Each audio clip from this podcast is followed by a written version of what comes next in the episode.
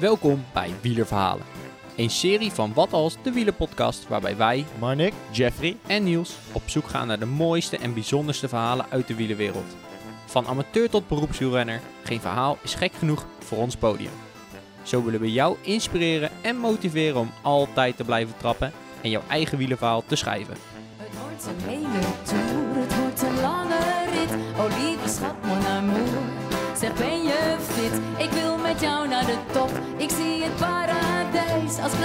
tussenstop. En dan weer vlucht naar Parijs.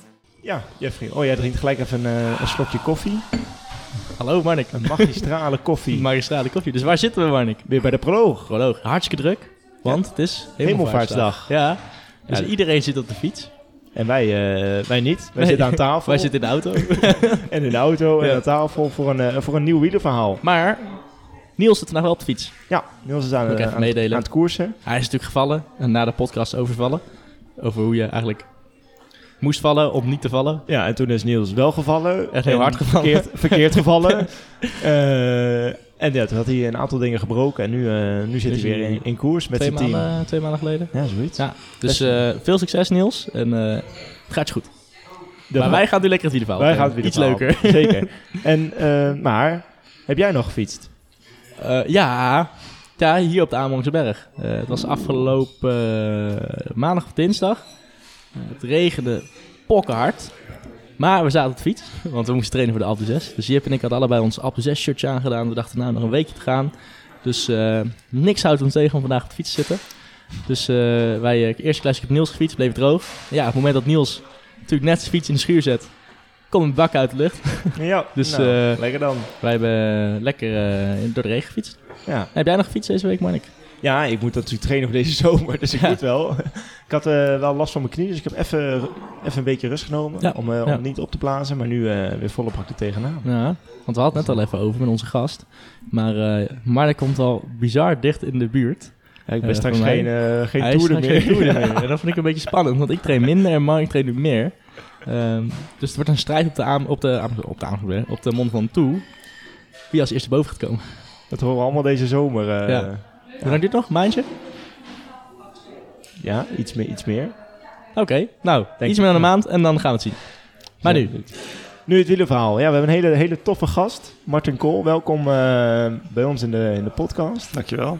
Ehm, zou je allereerst willen voorstellen aan de luisteraar? Zeker. Ik ben eh, Martin Kool, ik ben 64 jaar, ik kom uit uh, Heer Hugo Waard. En ik ben eh, ja, fanatiek eh, fietser in alle opzichten. Boodschappen doen, maar ook eh, met de mountainbike, met de racefiets. En eh, sinds 1 mei ben ik gepensioneerd, dus ik heb nu helemaal alle tijd om eh, hele leuke dingen te doen met de fiets. Iedere dag eh, fietsen. Ja, nou, iedere dag misschien niet, maar eh, dat komt aardig in de buurt, ja. Ja, ja, vandaar dit verhaal denk ik. Ja, de ja, afgelopen dat, eh, jaren. ja, zeker. Dat is een eh, stukje terugkijken en eh, nou ja, dat is natuurlijk mijn passie. En ja, waar ik het verhaal over ga vertellen, dat is eigenlijk de tweede passie die ik combineer met het, met het wielrennen, ja. Ja. Ehm, ja, nou, het verhaal dat komt inderdaad straks. Ehm, maar hoe ben je eigenlijk in de wielerwereld terechtgekomen? Eh, nou ja, eigenlijk fiets ik al mijn hele leven. Eh, het was natuurlijk eh, in mijn jonge jaren was het heel gebruikelijk dat je met de fiets naar school ging, Ja. boodschappen doen. Als, je, als, als je ging stappen, ging je met de fiets. Dus dat is er eigenlijk altijd ingebleven. En ik vond het hartstikke leuk om te doen. Ik heb altijd ook wel een racefiets gehad. Dus ja, niet overtuigd racefietser, maar toch regelmatig fietsen. Ja. En ik vond het leuk om, ik vind het materiaal ook prachtig. Dus eh, nou, zo'n fiets is altijd mooi. Maar het is pas echt eh, fanatieker geworden in eh, eind jaren 90, 97, 98. Toen ik eh, kennis kreeg aan mijn buurman die ook fietste. Ja, en toen gingen we eigenlijk samen en veel meer fietsen. Voetballen niet meer, want ik had een blessu- blessure aan mijn knie. Dus nou ja, dan, ja, dan gaat het fietsen, neemt de overhand. En Ja, ja, dat ja. is eigenlijk steeds gekker geworden, ja. En steeds gekker, ook echt heel veel gekker eh, als fietsverhaal. Nou ja, mag geloven. Eh, je gaat eh, elk jaar fiets je weer meer. Je houdt het tegenwoordig allemaal bij natuurlijk. Ik deed het Ja. altijd al in een Excel-bestandje. El, elke rit staat erin. En, maar goed, dat werd later overgenomen door Strava natuurlijk. Ja. En daar hoef je niet zoveel meer in te vullen. Hoewel Nee, ik dat bestandje nog steeds bijhoud, vind ik leuk. En ja, dus ja, de kilometers die zijn wel meer als in het begin, ja. Dus in die zin is het wel gekker geworden, ja. Maar zij uit je hoofd weten hoeveel eh, kilometers er zijn op het Excel-bestandje? Eh, nou, dat is, de, dat is eh, richting de 130.000, denk ik. Op Strava sta ik net, net nog niet op 100.000, maar ja. Over hoeveel jaar praten we? Ja, dan praat je over dus, nou ja, 798 vanaf die tijd. Dus best ook al lang. Ja. Maar goed, in, in het begin was dat misschien eh 3000 kilometer per jaar. Maar ja, Ja, nu ja, praat je gauw over 10, 12.000 per Ja, jaar. ja. Ja. Moet je nagaan, gewoon een 25 jaar voor 130.000 kilometer gefietst. nou Jeff, begin er maar aan. Nou, nee. maar wat zou je mee willen geven aan de luisteraar met je, eh, met je verhaal? Waarom wil je dit verhaal delen? Eh, nou, ik, ik, ik vind het leuk om eh, je passie te combineren met eh, in dit geval een uitdaging die het, eh, die het fietsen nog leuker maakt eigenlijk. Ja. Dus als je alleen maar fietst om, om het fietsen, dat is al leuk, vind ik zelf. Maar als je daar nog een uitdaging aan koppelt, jullie gaan nu naar de Mont Ventoux, nou, je, dat, dat, dat merk je al aan jullie verhaal, hè, dat prikkelt jullie, dat vind je Ja. leuk. Ja. En dat, dat heb ik met, eh, met eh, Ja. waar ik straks over ga vertellen. Dat is voor mij die extra prikkel die het extra leuk maakt. Waardoor je op andere plekken komt, waardoor je voor jezelf een uitdaging hebt. Ja, dat vind ik gewoon erg leuk om te. Mhm. Om, eh, en dat wil ik ook mensen meegeven. Probeer zoiets te zoeken in het fietsen, want dat maakt het alleen maar leuker. Doe Ja. de stellen. Doelen stellen. Doelen stellen, ja, Hebben wij stellen. daar eh, niet toevallig een aflevering over gemaakt? Joey van Ree. Precies. Een Ja. kleine spil of de detail voor het verhaal straks. Ehm, het gaat over een klimmersprofet. Klopt. Nou, dan eh, zeggen we de, het podium is voor jou. Ja. Oké. Fietscafé De Proloog in Amerongen. Weet je wel, daar onderaan die Amerongse berg. De plek waar wielerverhalen worden geboren en doorverteld. Zie je jou binnenkort ook voor een magistrale koffie?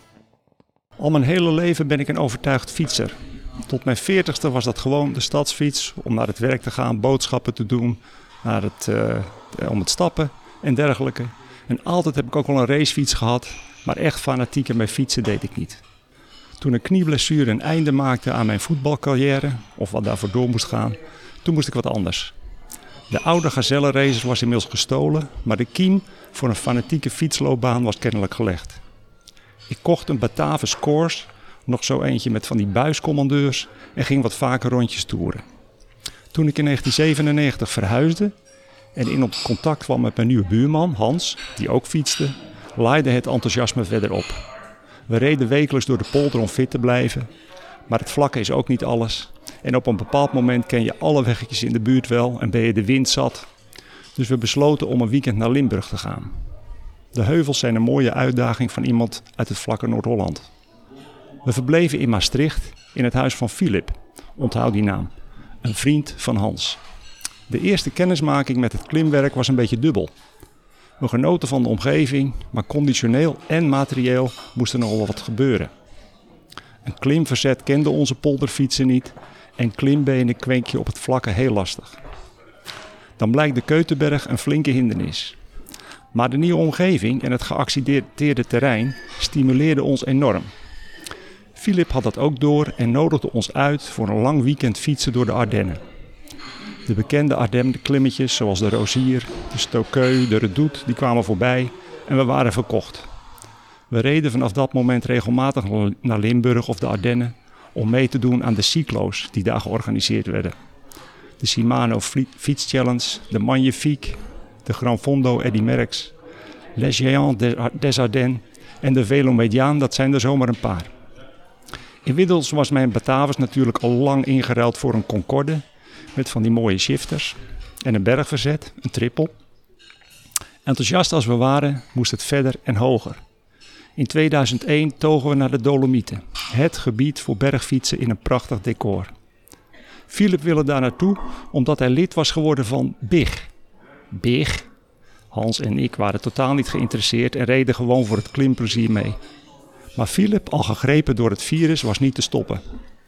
Alle bekende toppen pakten we mee. De Jou, de Sella-ronde, de Vedaya, de Trecime en nog veel meer.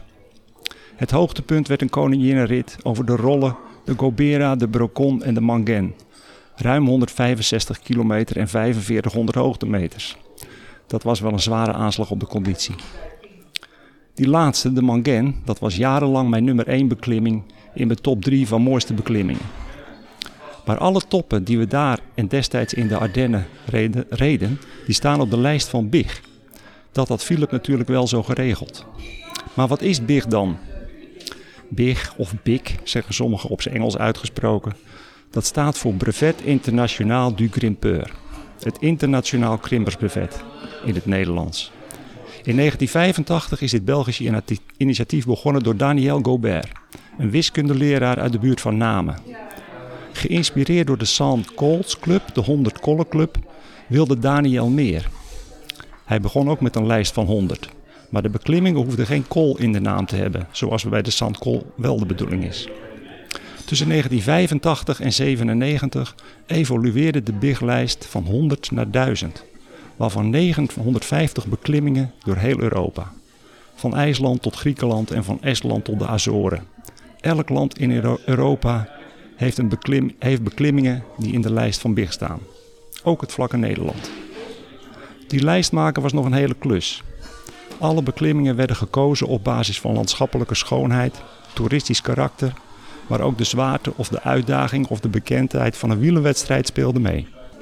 In de jaren 80 was er nog geen internet, dus informatie sprokkelen moest via boeken en kennissen in diverse landen. Maar de lijst kwam er en was behoorlijk compleet. Verreweg de meeste beklimmingen zijn geschikt voor de racefiets. Er zitten ook mountainbike klimmen tussen, zoals de Parpagnon en de Cormet d'Arèche in, Frank in Frankrijk. In de loop van de jaren zijn de beklimmingen uit de lijst gehaald en zijn er andere voor in de plaats gekomen. Zo kan het zijn dat een klim wordt geschrapt vanwege een gevaarlijke situatie. Of dat blijkt dat in de buurt een veel mooier en uitdagender klim is. De drie beklimmingen op de Krim bijvoorbeeld, in het voormalige Oekraïne, of ja, in het bezette gebied door Rusland moet je eigenlijk zeggen, zijn om die reden van veiligheid bijvoorbeeld uit de lijst verdwenen. Zelf heb ik ooit de Monte Camoschio bij het Lago Maggiore gereden in 2008. Die stond toen nog in de lijst. Maar die klim was zo gevaarlijk vanwege vallend gesteente. Tijdens mijn beklimming lag er zo'n vers afgebroken rots die de weg deels blokkeerde. Ja, dat kan je dan melden bij eh, de, de, mensen van BIG. En dan een commissie buigt zich daarover en die beslist of die beklimming eruit moet of erin blijft. Nou, deze beklimming ging eruit en er komt dan een andere voor in de plaats. Die actuele lijst van 950 beklimmingen die kun je vinden op de website van BIG. Elke klim heeft een eigen bladzijde met informatie zoals een kaartje met opgangen naar de top, ervaringen van leden, een GPS-locatie en dergelijke. Die overige 50 beklimmingen om de 1000 vol te maken, die moeten op de andere continenten worden gereden. 10 op elk van die continenten. Ze liggen niet vast in een lijst, dus je kunt ze zelf uitkiezen mits ze een bepaald hoogteverschil overbruggen. En dan heb je dus tien continenten, of, uh, vijf continenten waar je elk, uh, op elk continent tien van die beklimmingen moet gaan doen. Je kunt een eenmaal gereden beklimming kun je claimen op de website. En deze wordt gelijk verwerkt. Er is geen controle, het werkt allemaal op erewoord, op basis van vertrouwen dus. En dat werkt erg goed. Er zijn in het verleden wel eens voorvalletjes geweest waarbij gesjoemel bleek, maar dat zijn sporadische incidenten. Het gebruik van Strava dat kan de betrouwbaarheid van de claims natuurlijk vergroten, maar daar is momenteel nog geen behoefte aan. Er is een ranglijst van de huidige 7100 leden en je kunt je positie zien in die ranglijst. Er zijn op dit moment zeven leden die die 950 Europese en 50 op die andere continenten hebben gereden. Dus die hebben dus duizend van die beklimmingen gedaan. Je mag je dan super big noemen. En je krijgt daarvoor een herinnering toegestuurd. Je kunt je voorstellen dat het een pittige prestatie is en heel wat jaren vergt. Er is sinds een aantal jaren ook de mogelijkheid om duizend beklimmingen alleen in Europa te rijden. Daarvoor is die lijst van 950 uitgebreid met 50 beklimmingen, voornamelijk in het zuidoosten van Europa. En deze uitdaging is inmiddels door twee leden volbracht. En alles dus te vinden op de site van BIG. En ik zal even de website noemen, dat is BIG, BIG, ik weet hoe het uitspreekt, bigcycling.eu. Verder kent uh, BIG nog een aantal andere uitdagingen. Die zijn er de afgelopen jaren bijgekomen. Zoals de Iron BIG. Dat betekent dat je een uh, beklimming uit de lijst 25 keer moet uh, beklimmen. En als het een eenvoudige beklimming is, moet je dat op één dag doen. Dus dat kan bijvoorbeeld met de Keutenberg, een eenvoudige klim. als hij wat zwaarder is, dan mag je daar een maand over doen. En als hij heel moeilijk is, de Mortirolo bijvoorbeeld, dan moet je die 25 keer binnen één jaar doen. Nou, dan is er nog een uitdaging bijgekomen. Dat is een National Challenge. Dat betekent dat er een bepaald land een lijst van 25 of een veelvoud daarvan beklimmingen heeft. En dan kan je die allemaal in dat ene land rijden. En er is nog een uitdaging waar alle beklimmingen uit de Tour, de Gi- Giro en de Vuelta, dat noemen ze dan de TGV, eh, in zitten. En die, kun je ook, eh, die uitdaging kun je ook aangaan.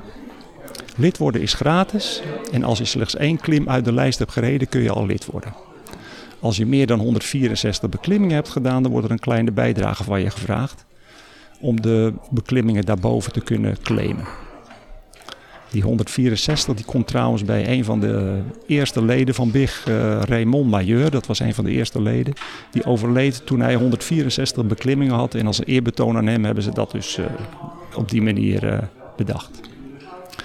Het is een heel kleinschalig en eigenlijk heel vriendelijk en, en niet commercieel project, dat BIG. De website kent geen reclame. Eh, het is allemaal heel, eh, door, door, door vrijwilligers wordt het allemaal gedaan. Daniel Gobert, de, de, de grote man erachter, die, die regelt het allemaal. Er zijn jaarlijks meetings ergens in Europa. En eh, daar worden dan de beklimmingen uit de lijst beklommen. En er is speciale BIG-kleding te bestellen. Nou, dat is dus de BIG. Maar goed, in 2002 sloeg dan toch bij Hans en mij, dus mijn buurman en mij, het BIG-virus toe. Philip wilde zijn BIG-lijstje uitbreiden en dat moest in het Zwarte Woud gebeuren. Jean-Pierre, vriend van Philip, ging ook mee. Jean-Pierre op, op zijn, had op zijn beurt Philip weer op het spoor van BIG gezet en was dus uiteindelijk ook de oorzaak van onze besmetting. In het Zwarte Woud, na een dag klimmen, wist Philip, wisten Philip en Jean-Pierre Hans en mij te overtuigen en werden we lid. Nummer 195 en 196 om precies te zijn. Dat was dus echt in de beginjaren, want er zijn er nu 7100 leden. We zetten alle biggen op een rijtje die we tot dan toe hadden gereden en dat waren er ongemerkt toch al een eh, kleine 40. Dat claimen van die beklimming, dat kon toen nog niet via het internet. Dat moest allemaal per mail of per brief. Maar de opmars van het internet en het inmiddels eh, sterk verbeterde website, die, eh, daardoor steeg het aantal leden heel snel. Inmiddels heeft BIG dus 7100 leden van over heel Europa. En de leden uit Nederland die zijn oververtegenwoordigd. Nou, na het eh, Zwarte Woud volgde er elk jaar, elk jaar wel een trip met Hans en Philip. En soms ging Jean-Pierre ook mee in wisselende samenstelling. Die tripjes staan echt in het teken van zoveel mogelijk biggen scoren, scoren, zo noemen we dat. En week 35 is daarvoor door ons gereserveerd. Dat weten we gewoon, dan gaan we. Dat betekent soms een dag met de auto op pad en aan de voet van de klim uitstappen, fiets uit de auto, omhoog fietsen, omkeren en omlaag, fiets in de auto en door naar de volgende. En zo pakken we er dan meestal drie of vier op een dag. Maar er zitten uiteraard ook ritjes in, in een lijn of, of rondjes. Dat doen we liever, maar het is gewoon niet altijd mogelijk om zoveel mogelijk te scoren. En dat is waar het ons om te doen is, gek genoeg. Ehm, onze, ook onze eigen vakantie heeft vaak een bestemming met bigs in de buurt. Mijn vrouw vraagt tegenwoordig al als een bepaalde be- vakantiebestemming op het oog heeft... of daarvoor voor mij ook nog bigs te fietsen zijn. Ja, wie heeft het? Na 20 jaar eh, lidmaatschap heb ik inmiddels 426 beklimmingen uit de lijst op mijn naam staan... en sta daarmee 51 op de ranglijst. De hoogste Nederlander is Wim van Els uit Uden. Hij heeft er inmiddels 973 en staat daarmee op de tiende plek. Hij zit dus bijna aan de 1000. Momenteel werkt Wim daar hard aan in Zuid-Europa om die 1000 vol te fietsen. Die 1000 ga ik niet meer halen. Als ik in dit tempo doorga, ik fiets er tussen de 15 en 30 per jaar, moet ik ruim 100 worden en nog kunnen fietsen om de lijst compleet te maken. Maar daar gaat het mij niet om. Big brengt me op eh, prachtige plekken die elke keer weer anders zijn. En uitdagend blijft het toch wel. Zo.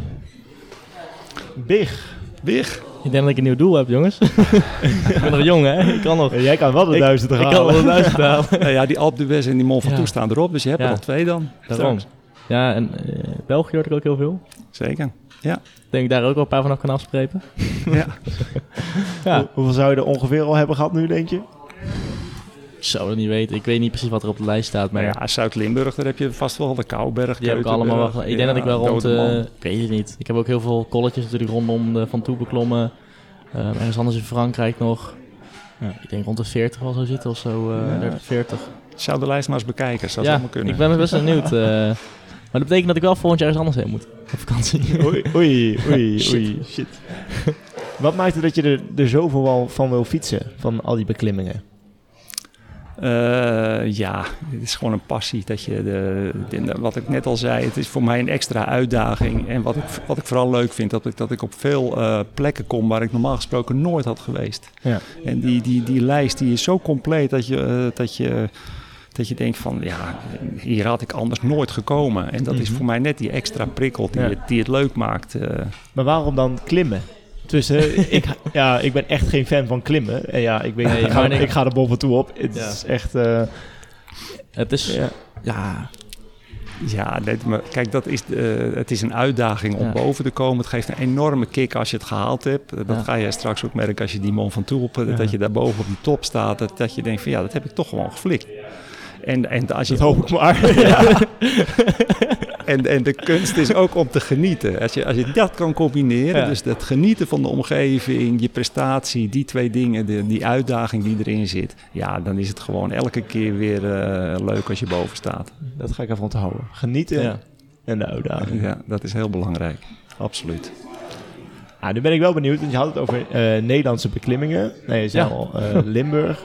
Wel- welke Nederlandse beklimmingen zitten er nog meer in? Weet je dat zo? Ja, ik weet ze niet allemaal uit mijn hoofd, maar hier op de, of hier niet, op de Heuvelrug eigenlijk niet. Of de Italiaanse weg moet de Heuvelrug zijn, maar dat denk ik niet. Dat is al Veluwe, denk ik. Italiaanse weg, kennen jullie die? Ja, ze- ja, zeker. Daar heb ik maar een keer opgelost. Eén keer, ja. Ja, Eén keer. Nou, die mag je dan ook claimen, want dat is ook een Oh, eh, kijk, echte nou. big. Ja, Heb ik Ja, er komen er wel, hè? Heb ik er ook één, hè? Ja. ja, zeker. En de postbank, die kennen jullie ook Oh, wel ja, er natuurlijk. twee. Ja, twee. Oh, dat gaat dan goed. En nou, bij Nijmegen eentje, eh, Berg en Dal. En, Oh. Dat zou Ja. zomaar kunnen. Ja. nou ja, en de, en de Ja, rest, de meeste zitten dan in, in Limburg. Ja. Maar heb je er ook echt veel in Nederland? Zeven. Eh, zeven of negen, even uit mijn hoofd. Oh, maar dat is, Ja. dan, hebben we er zo, dan heb ik er sowieso 7 of 9. Dat zou Ik denk dat ik ze allemaal in Nederland wel heb gehad. Zit de Vanberg er al in? Of, eh? Nee, nou die zit wel in die, wat ik zei, die National Challenge Ja, die er is. Daar staat de Van Berg op, maar die telt dus niet mee voor die lijst Nee, van, eh, gelukkig maar. van duizend. Nee, dan hoef ik daar niet mee. Gelukkig. Ja. Ja, ik vond het wel grappig. Je had het, je had het over ehm, de Keutenberg in Nederland. Ja, ja. Dat, die makkelijk was, dat je die even 25 keer op en neer... eh, Nou, ik niet hoor. Maar dat is wel een, eh, een van die uitdagingen die eh, Big kent. Ja, ik heb hem niet 25 keer op en neer gereden, nee. Ja, op een dag. Ja. Ik vond één keer al, eh, al zwaar. maar er, zijn wel, er zijn wel leden die het wel gedaan hebben. Dus die eh, zullen behoorlijke pijn in hun kuiten gehad hebben. van de denk ik dag. ja. wel, ja. Bijvoorbeeld een Mont Ventoux, als je die 25 keer opfietst. Is dat er binnen een jaar? Dat moet dan een jaar. Ja, maar dat is nog wel te doen als je daar in de buurt woont. ja zeker. Dan als Ja, je het iedere dan moet- maand moet eh, makkelijk iedere- twee keer doet. Ja. Om de twee weken. Ja. Er, is ook een, een Bigley die woont in eh, Tirano in Italië. Dat is Ja. aan de voet van de Mortirolo. Ja. En die is 25, jaar in, e- eh, 25 keer in één jaar die, eh die Mortirolo opgefietst. Waarvan de laatste keer op een damesfiets met zo'n mandje voorop. Met, en had hij picknickspulletjes mee. Dan ging hij boven eh, als, als, eh, Oh, nou ja, zeg maar wat dat hij het gehaald had. Ja. Van, wauw. Met zijn familie picknick boven. Ja, Ja, mooi, dat soort mooi. Wat fantastisch zeg. Ja, nu zijn we natuurlijk wel benieuwd. Welke beklimming heb je zelf allemaal gedaan? Ja, Om het even, Wel- welke even op, op te noemen, even op te sommen allemaal. ja, nou ja, als ik ze alle 24 426 moet opzommen, Ja, heel veel natuurlijk. oké. Wat zijn de meest mooie eh, Ja, ja, ik en de heb- meest bekende, denk ik? Dat, ik zei net al, de, de, de Passo Mangen die heeft jarenlang op één gestaan in de, de beklimmingen die ik het mooiste vond. En vaak is dat een combinatie van eh, hoe je het zelf ervaren hebt. eh, dat het bijvoorbeeld heel erg lekker ging. eh, dat, dat, dat speelt natuurlijk ook mee of je iets mooi vindt. Of als je daar vreselijk hebt afgezien, dan is het misschien minder mooi. Maar die is landschappelijk heel mooi. Dat is een, een zware klim. En, en ja, dat was een van mijn eerste eh, echt zware klimmen. Dus ja, die blijft dan heel lang op één staan. Maar uiteindelijk is hij toch eh, ver, eh, verdrongen door de, de Nivolet. Dat is een klim, ook in Italië trouwens, de Manken ook. En eh, ja, die, is, die heb ik gefietst tussen de sneeuwmuren van drie meter hoog. En, en, en eh, ja, dan ga je langs meertjes. eh, je komt boven op een hele desolate top waar niemand is. Ja, dat is gewoon super gaaf. En die is ook nog eens een keer 55 kilometer lang. Dus dan heb je echt wel een behoorlijke... Dat is een behoorlijk klimmetje. ja, ja, ja. nou, was nou, het koud of niet? Eh, dat viel eigenlijk best wel mee, want de, de zon die scheen. Alleen ja, dat waren de restanten van de Ja, sneeuw. ja, en, ja. en, en de weg die was heel nat vanwege het smeltende sneeuw. Ja. Maar nee, ik heb eigenlijk geen last gehad van de kou. Want je hebt alle energie nodig om boven te komen natuurlijk. Dus je, Ja. je, je wordt wel warm Ja. door het fietsen. Jeetje. Ja. man, man, man. En dan eh, de laatste afsluitende vraag. Ehm, wat wil je aan de hand van je verhaal meegeven aan de luisteraar? We hebben het natuurlijk aan het begin even kort over gehad. Ja. Ja, nou ja, mijn, een van mijn, eh mijn eh, lijfspreuken is ga toch fietsen. Dus ik zou in ieder geval, maar dat is bij deze luisteraars niet nodig waarschijnlijk, want dat zijn allemaal fietsers. Maar ja, het fietsen heeft mij zoveel gebracht. Eh, je blijft fit, je, je, je, hebt, je ziet heel veel van je omgeving. En als je daar nogmaals die uitdaging van in mijn geval big aan toevoegt... en, je, en andere mensen hebben weer andere uitdagingen, wat ook allemaal prima is... dan geeft dat een enorme kick eh, in mijn geval... Ja. En, en een leuke uitdaging in je leven om iets, nou ja, te bereiken. In mijn geval wat ik waarschijnlijk nooit ga halen. Maar wat ik eh, ja, ontzettend leuk vind om te doen. Ja, fantastisch. Nou, mooi. Nou, dat is een kleine droom van mij om altijd nog door Europa te rijden en gewoon heel veel klimmen op te gaan. Maar dit is wel extra motiverend, moet ik zeggen. Ik denk dat jij het dus gaat bekijken. Jij bent Ik ga dit zeker bekijken, Ja, dat ja. dacht ik al. Ik ben een beetje ja. een competitief typetje eigenlijk. eh. Soms. dan, eh, dan dank je wel hartelijk voor het verhaal. Super mooi. Ja. Graag gedaan. En dan eh, tot, de de volgende volgende keer. Oh. Zonder te oefenen. Leuk dat je luisterde naar Wielenverhalen. Een serie van Wat Als, de Wielenpodcast. Heb jij een wielenverhaal die echt gedeeld moet worden met de wielenwereld? Twijfel dan niet en stuur een bericht naar ons telefoonnummer 06 82 61 24 19. Wil jij meer afleveringen luisteren? Abonneer dan nu via Spotify, iTunes of jouw favoriete podcast app, zodat je geen aflevering meer mist.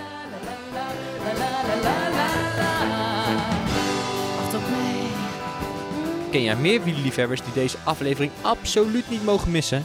Deel hem dan of laat een review achter, zodat ook andere wielerliefhebbers ons weten te vinden.